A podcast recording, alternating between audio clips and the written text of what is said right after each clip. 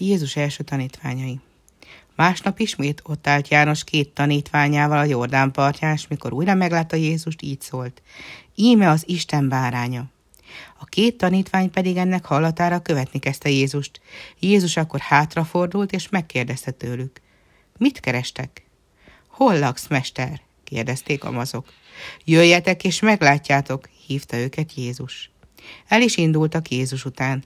Kettejük közül András találkozott testvérével, Simonnal, és azt mondta neki, megtaláltuk a messiást, az úr felkentjét. András akkor oda vezette testvérét, és Jézus így szólt hozzá. Te Simon vagy, a Jóna fia.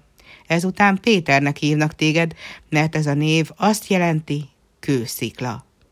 A következő napon Jézus Galileába akart menni, és útközben találkozott Fülöppel. Kövess engem, mondotta neki. Fülöp pedig Bertalannal találkozott, és így szólt hozzá. Megtaláltuk azt, akiről Mózes írt a törvényben, és akiről proféták szóltak, a názáreti Jézust. Támadhat-e valami jó is a názáretből, kérdezte Bertalan.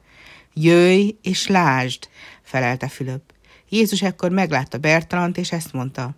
Íme egy igazi izraelita, akiben nincs hamisság. Honnan ismersz engem? kérdezte Bertalan. Mielőtt Fülöp hívott volna, láttalak a fügefa alatt, felelte Jézus. Mester, te vagy az Isten fia, te vagy Izrael királya, szólt Bertalan. Azért hiszel, mert azt mondtam, láttalak a fügefa alatt. Látsz-e még nagyobbakat ennél? Bizony, bizony, mondom néktek, mostantól fogva látni fogjátok a megnyílt eget és az Isten angyalait, amint felszállnak és leszállnak az ember fiára.